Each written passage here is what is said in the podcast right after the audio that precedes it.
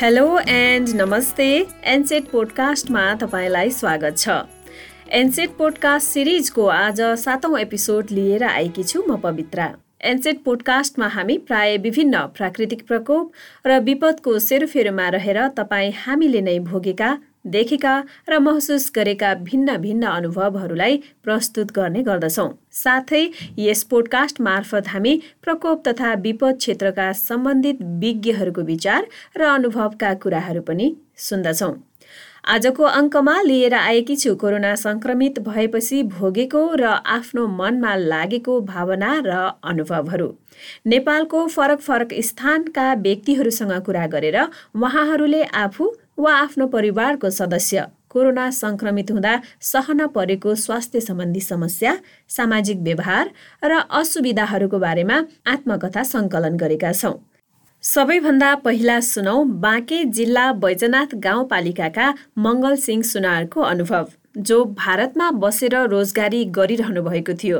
तर कोरोनाको बढ्दो महामारीको कारण बढेको त्रासले उहाँ नेपाल फर्किनुभयो। कोरोना पोजिटिभ देखिनु भएका उहाँले आफ्नो आत्माबल बढाउँदै कसरी अन्य सङ्क्रमितहरूको पनि मनोबल बढाउनु भयो त? आउनुहोस् एकैछिन हामी उहाँको कुरा सुनौ। म इन्डियाबाट आएको होइन। इन्डियामा पनि मेरो एउटा आरडिटी रिपोर्ट भएको थियो। आरडिटी रिपोर्टमा नेगेटिभै थियो। सायद म बोर्डरमा अब साढे सात सौजना हामी आउँदाखेरि त्यहाँ एक दुई सौ माथि सङ्क्रमण भयो होला। त्यहाँ हामी चाहिँ सम्झना आइसिँदापछि त्यहाँ क्वारेन्टाइनमा बसिँदापछि चौध दिनपछि हाम्रो पिसिआर भयो भइसिँदापछि मलाई पोजिटिभ देखाएर आइसोलेसनमा लग्यो। र मलाई पोजिटिभ देखाउनुभन्दा पहिला कोरोनाको कुनै एउटा यस्तो लक्ष्य पनि थिएन म माथि। जहाँ कि न मलाई ज्वरो आउने न टाउको दुख्ने न रोगा लाग्ने खोकी लाग्ने केही पनि थिएन। तर पनि पोजिटिभ रिपोर्ट आइसकेपछि मलाई आइसोलेसनमा गएर अनि आइसोलेसनमा गएर मैले आफ्नो जो कोरोना पोजिटिभलाई जित्नु थिएँ नि मैले त्यो जितेर चाहिँ आएको हेर्नुहोस् चौध दिन यहाँ सम्झना क्वारेन्टाइनमा अनि आठ दिन नानपारा बसेँ म सुरुमा एक्लै थिएँ पहिलो दिनमा एक्लै थिएँ अनि त्यसको दोस्रो दिन चाहिँ छजना आएको खासै त डर त थिएन होइन? त्यही पनि एउटा कोरोना सङ्क्रमण छ नयाँ बिमारी हो महामारी छ भन्ने केही पलको लागि डर थियो त्यहाँपछि डर मैले मनबाट हटाइसकेँ होइन? सायद म त्यो डर मनमा दिमागमा खेलाउँथेँ भनेपछि सायद म माथि के हुन सक्थ्यो तर मैले आफ्नो मन बल र बुद्धि मैले दिमाग पुगाएर छ नि त्योसँग मैले लडेँ कि। राम्रो थियो त्यहाँ खानामा सुविधा राम्रो थियो। त्यसै मैले पनि त्यसै युजर गर्थेँ गरम पानी पिइरहन्थेँ त्यहाँपछि मैले गुर्जोको पानी पिन्थेँ अनि टिमुर आदु लसुनहरू हालेको पानीहरू पिइरहन्थेँ मैले। त्यही कारणले पनि मैले मेडिसिन मैले कुनै पनि लगाएन होइन। न ज्वरो म त्यति बेला पोजिटिभ देखाएर पनि मैले ज्वरो आउने टाउको दुख्ने त केही पनि भयो तर मलाई डक्टर मदनले धेरै साथ दिनुभयो क्या। डक्टर मदनले मलाई पल्ट पल्ट फोन गरेर मैले उहाँलाई हिम्मत दिनुहुन्थ्यो कि मलाई। उहाँले पापा ददर्शन मलाई फोन गरेर हुनुहुन्थ्यो। अनि उहाँले हौसला दिनुहुन्थ्यो के हुन्न मङ्गलजी अनि त्यस्तो केही हुँदैन भनेर मलाई हौसला दिनुहुन्थ्यो। मैले उहाँको कुरा सुनेर मैले एक दुई घन्टासम्म मैले सोचेँ त्यहाँपछि दस एघार बज्यो अनि म त्यहाँ सुतिहालेँ सुतिदिँदै बिहान उज्यालो भयो। बिहान उज्यालो बसिदिँदा मैले यस्तै हो भनेर पनि त्यहाँबाट मैले आफ्नो आप गर्दै गएँ त्यही कारणले मैले यस्तो कुनै मलाई डरको फिलिङहरू भएन। त्यसै गरी मैले हिम्मत राखेर बसेर मैले त्यो जितेको म त्यहाँ अठार दिन बसेँ आइसोलेसनमा। म भन्दा पछि आएका कोरोना पोजिटिभ देखाएकोलाई मैले त्यहाँ भित्र बसेर सबैलाई हिम्मतहरू हौसलाहरू बढाएँ। मलाई पोजिटिभ देखाएर म बसेछु म मरेको छैन। र तिमीहरू पनि मर्दैनौ भनेर मैले उहाँहरूलाई पुरा हौसला बढाइसकेपछि उहाँहरू पनि सबै चौध दिनभित्रमा सबैको रिपोर्ट गर्दाखेरि सबैको नेगेटिभ आयो। हामी सातजना एउटा म एक दिन थिएँ एक्लै गएँ दोस्रो दिन छजना गएँ। हामी सातजनाको नेगेटिभ आयो। पछिको टोलीको सबको पनि नेगेटिभ आएको मलाई ज्वरो पनि आएन होइन? टाउको पनि दुखेन सर्दी पनि लागेन खोकी पनि लागेन। अहिले जस्तो छ त्यस्तै थिएँ म त्यति बेला। पोजिटिभ पनि रहेछ मैले जितेर आइसकेँ। आफ्नो मन बोल्दै राख्नुपर्छ होइन? मन बोल्दै राख्नुपर्छ र यति सोध्नुपर्छ कोरोना भनेको एउटा कुनै यो नयाँ बिमारी होइन एउटा रोगाखोकी नै हो त्यसले सोध्नुपर्छ कि यो एउटा सम्झिनु क्यान्सर या किडनी फेल कुनै पनि यस्तो मेरो बिमारी छ र यो बिमारी पनि हो भनेर यो बिमारीसँग जित्न सक्छु भन्ने अनि आत्मविश्वास राख्नुपर्छ। त्यही कारण म यति सोच्छु कि कोरोनाबाट मान्छे मर्छु भन्ने छैन र डराउनु पनि हुँदैन। आफूलाई डाक्टरले दिएको हौसला स्याहार र राम्रो व्यवहारको कारण छिटो निको हुन र अरूलाई समेत सहयोग गर्न सक्ने भएको भन्ने खालको एकदमै राम्रो र सकारात्मक अनुभव सुन्यौं बाँकेका बैजनाथ निवासी मङ्गल सिंह सुनारको। कोरोना अर्थात् कोभिड नाइन्टिनका कारण आफन्त गुमाउनु परेको पीडा रोगबाट सङ्क्रमित भइएला कि भन्ने डर त्रास भय सामाजिक दूरीमा रहनुपर्ने बाध्यता क्वारेन्टाइनमा बस्नुपर्ने बाध्यता घरमा बस्नुपर्ने बाध्यता माया गर्ने आफन्तबाट टाढा रहनुपर्ने बाध्यता एक्लोपन रोजगारी गुम्नु विभिन्न पेसा र व्यवसायमा भएको आर्थिक क्षति भविष्यको अनिश्चितता आदि कारणले मानिसहरूमा तनाव र निराशा बढ्दै गइरहेको छ। विशेष गरी स्वास्थ्य सेवाको क्षेत्रमा कार्यरत व्यक्तिहरू र बालबालिकाहरूमा यो समस्या अझ उच्च हुँदै गइरहेको पाइन्छ। एनसेट पोडकास्टमा अब पालो भएको छ यस्तै अर्को एउटा कथा सुन्ने। अबको क्रममा म तपाईँलाई सुनाउँदैछु जुम्ला जिल्ला सिन्जा गाउँपालिकाका मनिष चौलागाईको अनुभव।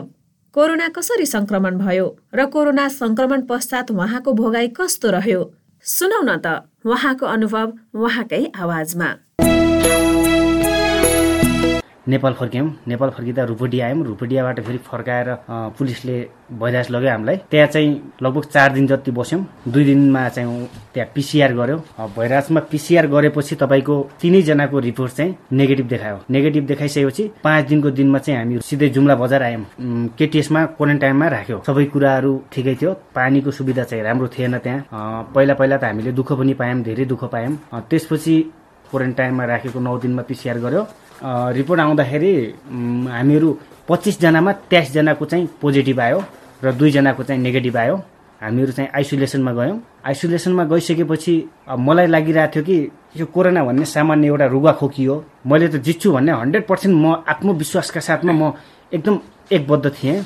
तर मलाई कुनै केही लक्षण पनि देखेको थिएन। टाउको दुख्यो एक दिन चाहिँ ज्वरो आएको थियो। खुट्टा चाहिँ अलिअलि दुख्ने भइरहेको थियो। तर पनि केही मतलब राखेन मैले। यो त सामान्य हो भन्ने सोचिरहेको थिएँ। त्यति गर्दा गर्दै अब आइसोलेसनमा कसैले त गाउँघरतिर हल्ला चलाएछन् काठमाडौँ पुग्यो सिकिस्त छ। कसैले त मर्यो भन्ने चाहिँ हल्ला चलाएछन्। मलाई डर भन्ने केही छँदै थिएन। म त एकदम सामान्य हिसाबमा थिएँ। मैले सकभर त तिन चार दिनमा जितौँलाई सोचिरहेको थिएँ। तर नौ दिन भएको दिनमा चाहिँ मेरो नेगेटिभ रिपोर्ट आयो।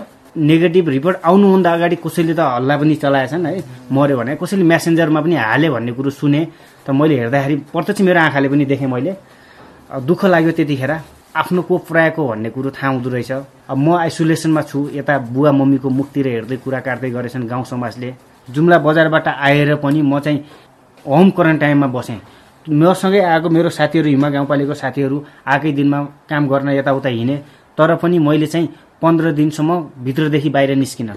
किनकि डक्टर साहबले भन्नुभएको छ तपाईँको चाहिँ केही छैन चौबिस घन्टासम्म चाहिँ अब कपडामा सल्केर गा हुनसक्छ।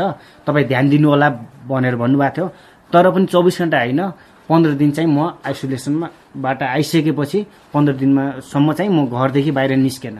मेरो मुखनिर त भनेनन् पिठ्ना पछि चाहिँ अब फलानु यस्तो हलानु यस्तो कोरोना लागेको भन्ने चाहिँ भने तर कानमा सुने मुखनिर चाहिँ प्रत्यक्ष कसैले पनि भन्न सकेनन्। र फेरि त्यतिखेर चाहिँ के खुसी लाग्यो भन्दाखेरि हाम्रो गाउँपालिका अध्यक्ष चाहिँ राम्रो हुनुहुँदो रहेछ। मरि मेटी मलाई मात्र होइन त्यहाँ बसेको हामीहरू सबैलाई चाहिँ राम्रो सेवा चाहिँ गर्नुभएको थियो उहाँले। अब एकचोटि भइसकेपछि आफूलाई थाहा भइहाल्छ लक्षण त होइन? तर पनि त्यस्तो लक्षण केही देखाएको छैन। अहिले चाहिँ एकदम ढुक्क छु म। अब चाहिँ मलाई चाहिँ तलमाथि नहोला भन्ने सोचिरहेको छु। तर पनि आफ्नो सुरक्षा आफै गरिरहेको छु। अहिले चाहिँ एकदम ठिक छु। तपाईँ यति बेला सुनिरहनु भएको छ एनसेट पोडकास्ट आजको अङ्कमा हामी कोरोना संक्रमण भइसकेपछिको अनुभवहरू सुनिरहेका छौँ। मनिष चौलागाई पनि रोजगारीको लागि भारत बस्दै आउनुभएको र कोरोना कहर बढेपछि नेपाल फर्किने क्रममा संक्रमण भएको रहेछ। तर घरै नपुगी सिधै आइसोलेसन सेन्टरमा कोरोना उपचार गराइरहनु भएको उहाँको गाउँमा भने उहाँ बितिसक्नु भएको अथवा उहाँ अब नबाँच्ने अवस्थामा पुगिसकेको जस्ता गलत अफवाह फैलिएको रहेछ भने उहाँको घरमा रहनुभएको वृद्ध वृद्ध बा आमालाई पनि अनेकन सामाजिक भनाइहरू सहन परेको रहेछ। एनसेट पोडकास्टको आजको अङ्कमा हामी कोरोना सङ्क्रमण भएपछिका भोगाईका अनुभवहरू सुनिरहेका छौँ। यसै क्रममा अब म तपाईँलाई सुनाउँदैछु दाङको हापुरेमा बस्ने टेकी बिकको अनुभव। उहाँको श्रीमानलाई कोरोना सङ्क्रमण भएको तर सङ्क्रमण मुक्त भइसक्दा समेत मन दुख्ने खालका वचनहरू छरछिमेकबाट नै सुन्न परेको तितो अनुभव उहाँसँग छ। कसो हुने हो के हुने हो कसो हुने हो हल्ला हो कि नहल्ला हो कि भनेर त्यही सोध्छु गाउँघरले त अब कोरोना लाग्छ भनेर अब हामीलाई जानु दिएनन् कोही गाउँघर जानु दिएनन् छिटिन दिएनन् बस्ने त कोरोना लाग्यो राम्रो हुने हो जाडो हुने हो कि भन्ने मान्यौँ अब।